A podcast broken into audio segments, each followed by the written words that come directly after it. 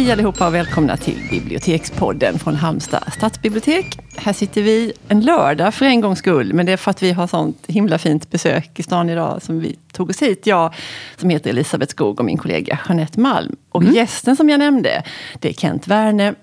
Supervälkommen till podden. Tack så mycket. Ja, och den här veckan så har vi demokrativecka på biblioteket och en programserie som heter Röster för röster. Och just det här programmet är då arrangerat av Europa Direkt i Halland. Nu har jag sagt det och det är en viktig sak och det är vi mycket stolta för. Eh, Kent Werner, du är här med din alldeles pinfärska bok som heter Allt är en konspiration, en resa genom underlandet. Mm. Ja, och vi blev väldigt upplivade när vi hörde om din bok och vi hörde dig på radio. Så vi tycker det är ett jätte, jättespännande ämne. Eh, men vi tänkte börja med att fråga, sådär, hur fick du idén till den här boken? Hur började just det här för dig? Det var nog så att det växte fram. Det brukar vara så med, med mina böcker att jag eh, får en, en idé någonstans längs vägen och sen är det väldigt svårt i efterhand att och säga vad var det som inspirerade mig. Men eh, rent konkret kan man säga att det var mina reportageresor i USA där jag eh, fick träffa folk som trodde på konspirationsteorier och de var ju mm. många fler än i Sverige naturligtvis. USA är ett väldigt konspirationstroende land. Eh, och då blev jag på något sätt eh, medveten om sprängkraften i den här eh, tanketraditionen och, och hur pass eh, många som faktiskt kan omfamna den här typen av teorier. Jag blev nyfiken på eh, ja, drivkrafterna bakom det, varför folk tror på det här, hur eh, den ena konspirationsteorin hänger ihop med den andra och hur det här konspirationstänkandet kan ta sig liksom, uttryck politiskt också. Mm. För det började göra det när jag var där mm. redan. Eh, Donald Trump började prata eh, om att Obama var född i Kenya och därför en ogiltig president och att han hade mörkat det här då. Mm. Eh, och det är ju en, en, av de här konspirationsteorierna som flödade i USA som fortfarande gör det faktiskt.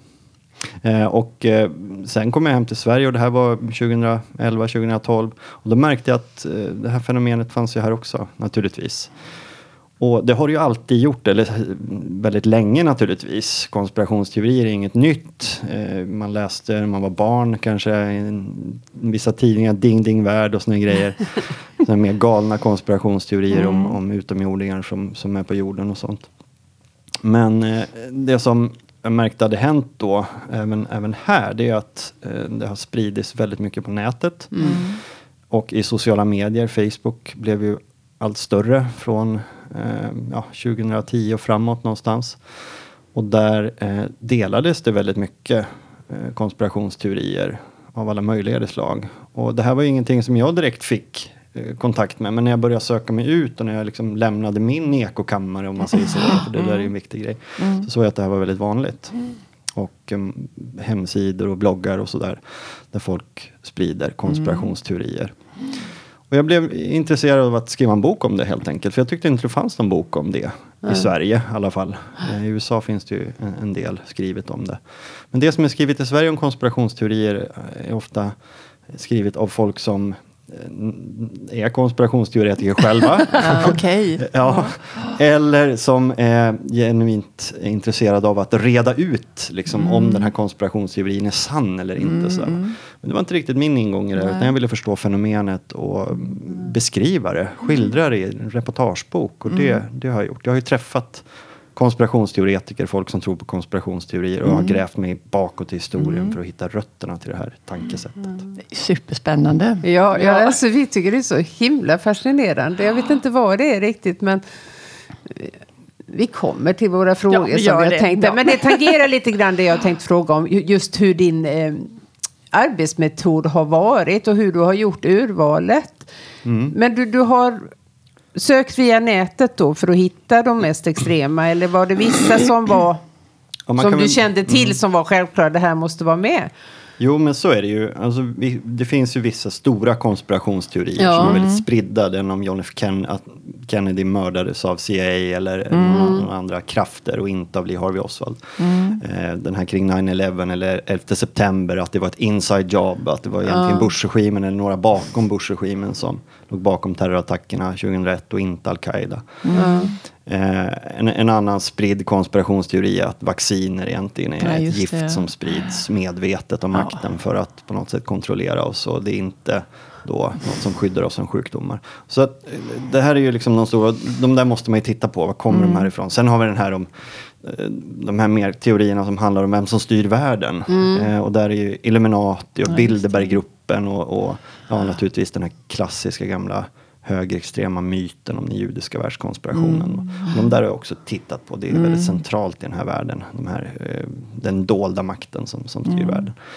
Men, men ja, metod. Jag, jag går mig ut på nätet naturligtvis. Det, mm. det, är där man möter, det är där folk möter konspirationsteorierna idag. Mm. Det är därför de sprids till så många fler mm. idag än för 20-30 år sedan. Så där börjar man faktiskt. Men sen har jag också rest en del till USA då förstås och till till Tyskland och till Storbritannien på olika konferenser, möten, föreläsningar, väckelsemöten kan man kalla det. Och träffat folk som sprider konspirationsteorier och tror mm. på konspirationsteorier. För jag ville liksom möta de här människorna mm. också. Mm. Inte bara ha, för på nätet blir det ju alltid ett avstånd. Liksom. Ja. Man, man blir väldigt anonym för varandra. Mm. Men har du varit tydlig då med din eh, författarroll där eller har du utgett dig för att vara en, en troende? Anhängare. Nej, jag har aldrig utgett mig för att vara en troende men jag har utgett mig för att vara det jag är. Det vill säga journalist. Ja, ja. Intresserad journalist då. Ja. Eh, och eh, ibland har jag sagt att jag skriver en bok. Men, men det var inte riktigt klart att jag skulle göra det i början. Nej. Så att då, då var det mer så att, men jag har inte, jag har inte eh, gått bakom ryggen på folk eller sagt, farit med osanning att jag Nej har inte försökt infiltrera olika miljöer. Jag, jag, har inte tyckt det var nödvändigt för det här mm. är inte slutna miljöer. Man, man kan nej, åka nej. dit som vem som helst och, och delta. Ja. Så att, åtminstone de, de platser jag har varit på. Mm. Sen finns det ju mer extremistiska miljöer som, mm. som man inte tar sig in i som nazistiska grupper eller mm. islamistiska grupper som också är konspirationstroende. Men mm. där, har jag inte, där har jag inte varit. Nej, men de här andra grupperna de kanske ändå såg dig som någon här potentiell anhängare eller någon som de kunde... Ja, det eller? tror jag nog. Ja. Eh, så länge man inte jobbar på ett av de stora medierna. Eh, för då är man ju mainstream mediejournalist och ja. är man på något sätt borträknad. Mm. För då är man en del av den här ja, stora konspirationen. De, de, som ljuger och, och, och försöker manipulera folk. Eh, men jag har inte varit det, utan jag är oberoende journalist och då, då, då är det lite enklare att mm. eh, handskas med mig antagligen. Och Jag tror nog kanske att vissa har hoppats att, att jag skulle fastna för deras tankesätt, mm. absolut. Alltså vi är ju bibliotekarier och vi älskar sådär att katalogisera och sätta in i kategorier och systematisera. Så Inget får ramla utanför.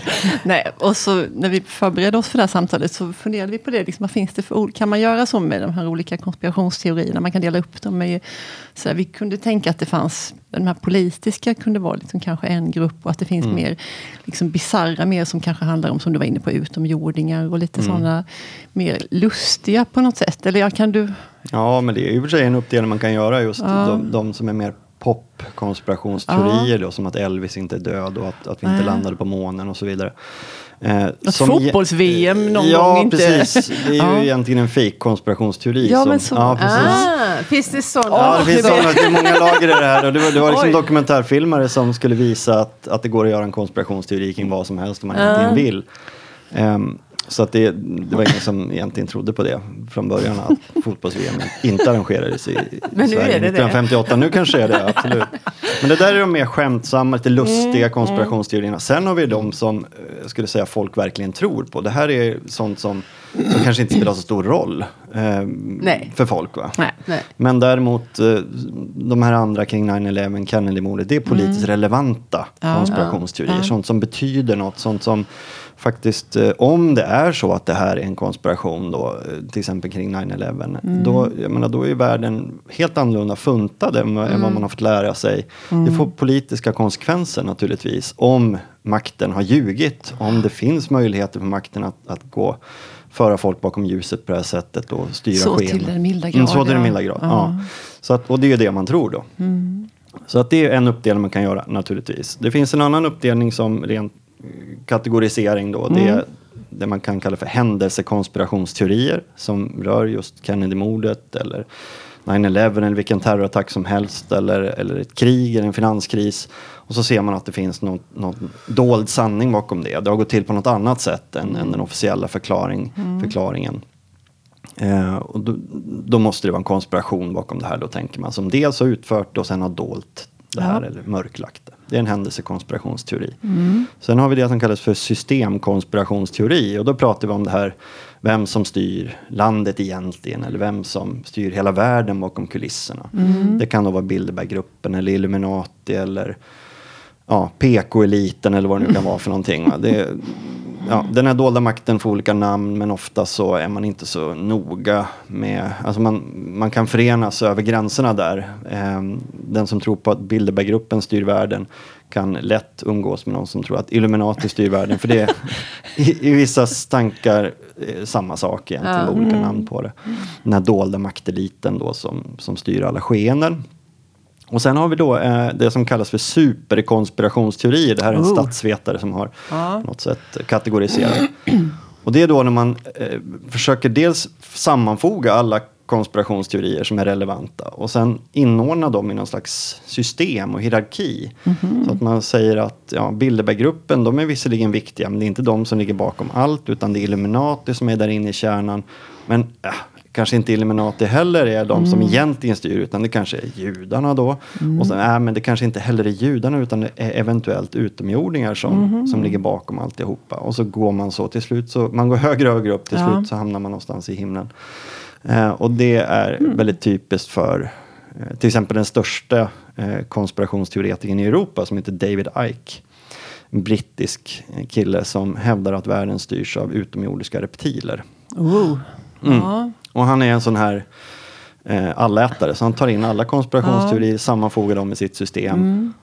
Och det finns något där för alla, det är därför han ja. anhängare. Det är ju lite smart, mm. för då omfamnar han på något vis ja. flera stycken och det behöver inte bli sådär Nej, precis. kanske jättemotsättningar utan Nej, men för det har vi också pratat om, om hur de uppkommer. Om det är så att man planterar dem eh, i något särskilt, att man vill uppnå någonting. Eller om man verkligen är övertygad. Tror verkligen den här eh, personen att Mm, jorden styrs av eh, mm, reptiler? Det kan man ju fråga sig. Eh, och det vet ju bara han ja. i, i grunden då. Men min er, erfarenhet av att ha träffat många och av att ha gått tillbaka i historien och faktiskt studerat upphovet till de här konspirationsteorierna och vilka som skrev om dem till att börja med. Mm. Att eh, de allra flesta har trott på det, det de skriver och säger. Eh, sen finns det en del eh, falsifieringar, eller, eller, vad ska man säga, för, förfalskningar heter det. Mm. Eh, och eh, ja, ska man säga, fabrikationer som Sions vises protokoll som handlar om en judisk världskonspiration. Det är, det är en ren eh, förfalskning, ett bedrägeri helt enkelt. Men sen då de som spred det här, många av dem trodde ju på mm. det här helt och fullt, att det här var beviset för att den judiska världskonspirationen existerade. Mm. Till exempel Adolf Hitler som var en djupt troende antisemit och mm. absolut mm. ingen som, som använder det här bara som slagträ för att nå makt eller för att, för att på något sätt ena landet. Utan han, var, han var en hårdför antisemit som trodde att, att han var attackerad, eller Tyskland var attackerat av en judisk världskonspiration i sovjetiska och amerikanska och brittiska kläder. Liksom. Mm. Och enligt honom var det ju de som låg bakom andra världskriget och inte han själv. Då. Så att det är liksom, mm. ja, och det, det, säger också en del tycker jag om eh, den här eh, tron bakom konspirationsteorin, på, på konspirationsteorierna. Det, det, det är nästan lite religiöst eh, över det hela. Vi kanske återkommer till det. Mm. Men eh, min erfarenhet är i alla fall att människor verkligen tror på det de säger snarare än att, att de eh, ljuger eller sprider mm. medvetet falska nej, uppgifter. Nej. Men sen finns det politiker eh, som Donald Trump mm. eller som Viktor Orban i Ungern. Där man inte riktigt vet, tror de på det här eller inte? Eh, men där blir konsekvensen att man utnyttjar det här då till att nå makt eller mm. utöva makt eller utmåla oppositionen som nationens fiender eller som farliga och onda. Och så mm.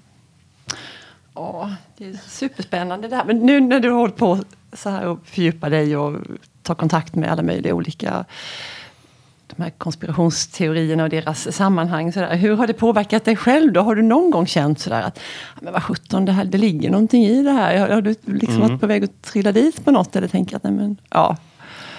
Ja, jag, jag minns ju hur när jag gick in i arbetet åtminstone lämnade dörren öppen för eh, att John F Kennedy mördades av en konspiration till mm. exempel. Jag var inte helt säker på att det inte var så. eh, och det fanns ju ett, ett, par andra sådana case också som jag tänkte att ja men här vet man ju inte riktigt. Det, det, det är för dåligt med fakta. Mm. Eh, men jag kan inte säga att jag har blivit mer konspirationstroende efter att ha skrivit om det här. Utan det är snarare så att jag, jag förstår tankesättet och jag kan eh, se bristerna i det. Och eh, det, till exempel att man, att man är ganska slarvig med källor.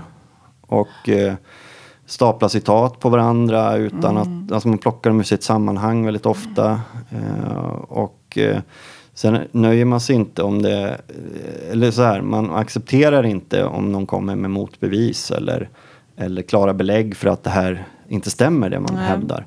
Utan faktaresistens. Ja, ja, det är faktaresistens och det mm. finns liksom inbyggt i, i konspirationstänkandet.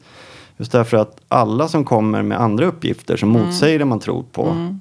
Kan ju vara en del av konspirationen. Ja, som kan förstärka den på något vis. Det, förstär, det förstärker ja. det snarast. För då, då, är det fler som, som finns på motståndarsidan ja, och då blir ja. man automatiskt en del av det. Precis. Men har det någonsin vi måste ju säga också att vi har inte hunnit läsa din bok. Den kom till biblioteket nu i veckan. Mm. Eh, så vi, vi, har inte läst den. Vi har läst om den men inte, mm. inte själva boken.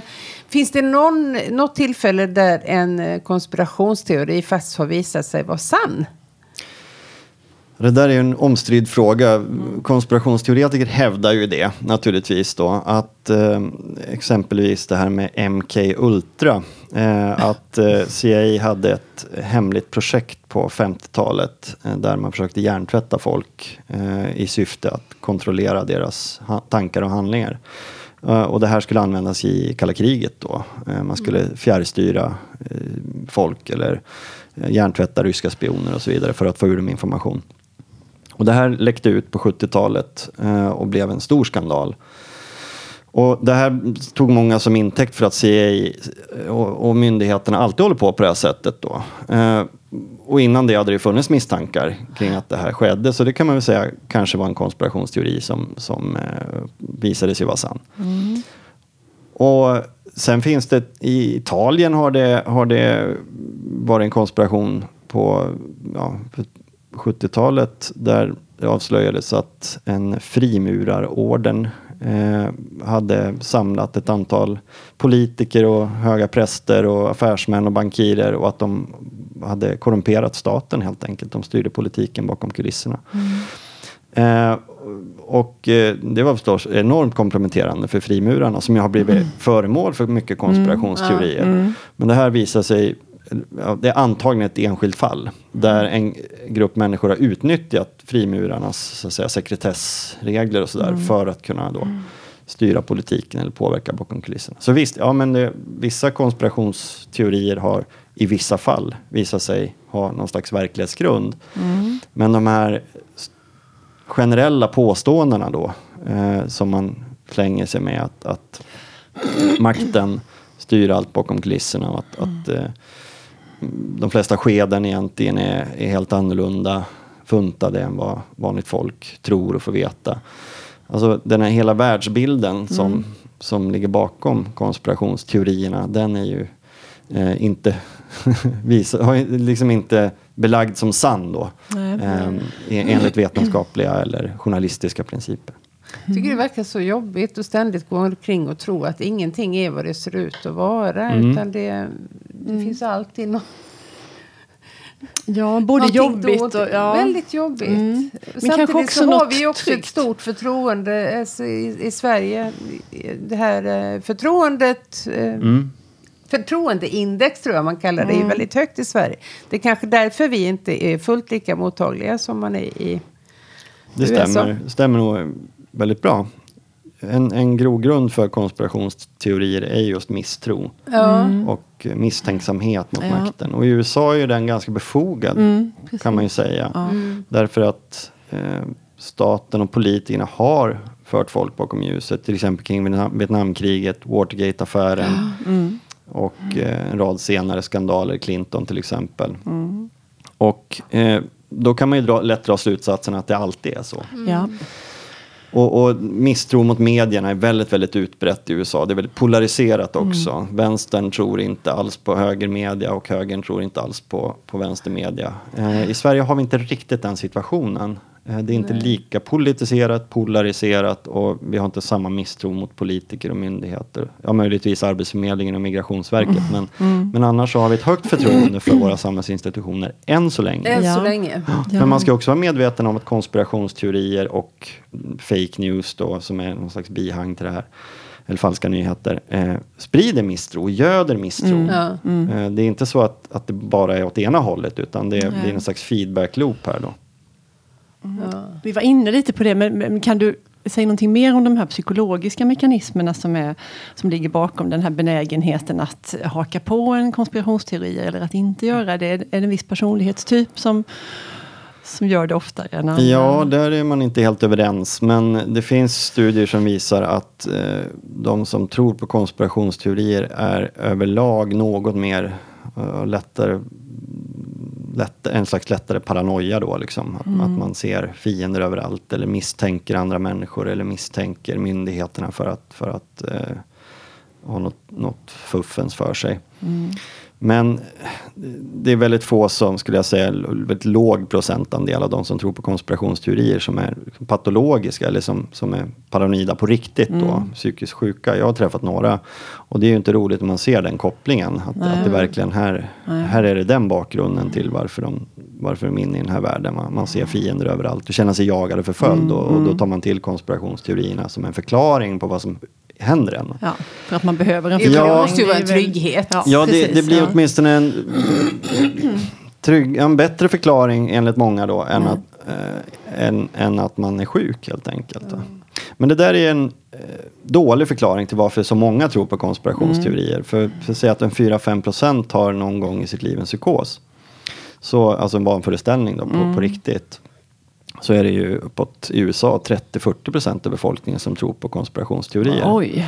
Så att det, det, det går helt, helt enkelt inte Nej. ihop. Så vissa psykologer har ju forskat på andra delar av hjärnan då, mm. hur, hur, vi fungerar i största allmänhet, vi människor. Och då ser man att vi, vi har väldigt lätt att se mönster, där det kanske inte finns mönster. Vi ser ju stjärntecken på himlen, trots mm. att stjärnorna ligger eh, miljontals ljusår ifrån varandra, så tror vi att de här påverkar oss.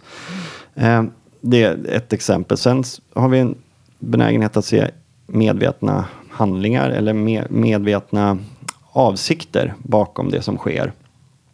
Och vissa psykologer hävdar att tron på Gud bottnar i det här. Att vi mm. gärna ser att, att det finns någon som har bestämt att det ska vara på det här sättet. Mm. Snarare än att det är slumpen eller, eller bara en, ett sammanträffande eller faktiskt något system eller struktur som, som har satt oss i någon viss situation. Mm. Och sen eh, finns det det som förstärker då, här ska jag säga, tänkandet och det som kallas för bekräftelsejäv eller konfirmationsbias. Det är att man eh, helst tar till sig information som bekräftar det man redan tror på.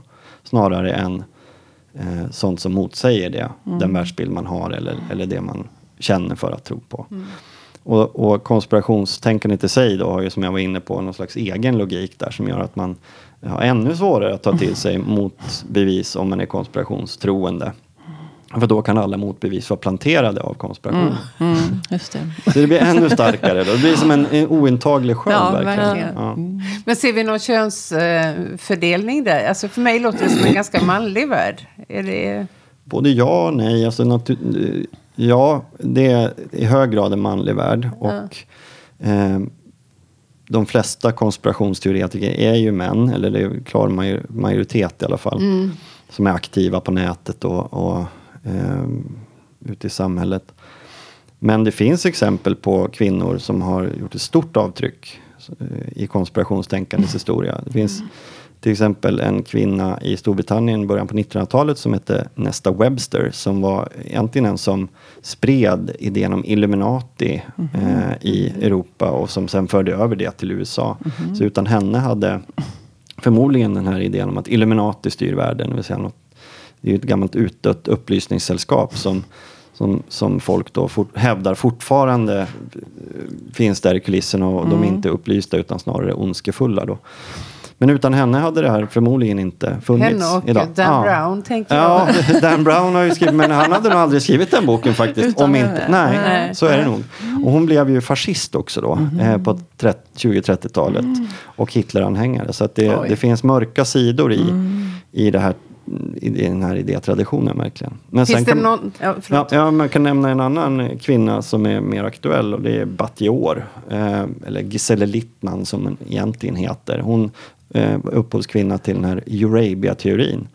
Där eh, folk då hävdar att eh, det finns en hemlig överenskommelse mellan arabländerna och EU på mm. 70-talet om att man skulle eh, importera muslimer till Europa för att då ockupera den här, världs, den här kontinenten och sen på sikt ta över den. Ja, ja. En sån här smygislamisering. Mm. Och där har ju liksom fortplantats i många kretsar, mm. i, i högerpopulistiska kretsar framförallt i Europa, den tanken. Så att hon, är, hon är liksom, ligger bakom det. Så det, ja. det, det är en manlig värld, men eh, det finns kvinnor som mm. har gjort stort avtryck kan man säga. Mm. Kommer du att kunna lämna den här världen? Det känns som att det finns en outtömlig eh, källa egentligen. Nej, det kan jag nog inte göra. Nu, nu måste jag gå vidare här och, ja. och liksom titta på andra typer av konspirationsteorier som jag inte har gått in på så mycket. Mm. Det känner jag. jag. jag. är lite fast i det här nu. Det blir lätt så när man ja. har grävt ner sig. Så jag har inte tröttnat på det än. Nej, då blir det fler böcker i samma äh, ämne. Det är inte säkert, men det finns andra möjligheter. Det finns poddar och mm. artiklar och, och mm. annat som man kan ägna sig åt om man är frilansande som jag är. Kan du hinta någonting om liksom något, någon av de här liksom delarna som du inte har sysslat med i boken här som du skulle vilja ta itu med? Ja, eh, jag, jag har inte tittat så mycket på enskilda konspirationsteorier som är i, i ropet. Som till exempel den här om att vacciner är, mm. är farliga. Då. Eh, och anledningen till att, att jag inte har gjort det, det är att den står lite utanför. Så att säga. Mm. Eh, den här historiska traditionen som jag har tittat närmare mm. på. Det, eh, men det är väldigt viktigt och väldigt intressant för att det här sprider sig inte bara i USA utan i Europa och det gör att mässlingen nu är ja. på tillbakagång. Ja. Faktiskt, som vi trodde vi hade i princip utrotat. Mm. Och även i Sverige ser vi hur människor vägrar vaccinera sina barn då för att man, man mm. tror att vacciner är, farliga trots att det inte finns några belägg för det helt mm. enkelt. Eh, en, en, annan konspirationsteori som jag inte går in så mycket på i boken det är kring Palmemordet och det, det, det blir ju ah, ah. aldrig uttömt så att säga. Så det är möjligt att jag tittar närmare ah. på det också, vad det lider. Men eh, lite grann så är det att det, det är så väldigt tröskat så mm. mycket mm. i Sverige. Så jag ville på något sätt öppna eh, läsarnas ögon för eh, en annan del av konspirationstänkandet, den här stora världen som, mm. av konspirationsteorier som finns där ute. Mm. Ja, ja, det är mycket att smälta. Eh, vi ska ha stort tack för att du tog dig tid att prata med oss. Och vi säger tack och hej från Halmstad och Halmstad stadsbibliotek till Kent Werner och Elisabeth Skog och ja. mig, Jeanette Palm. Tack och hej! Hej då!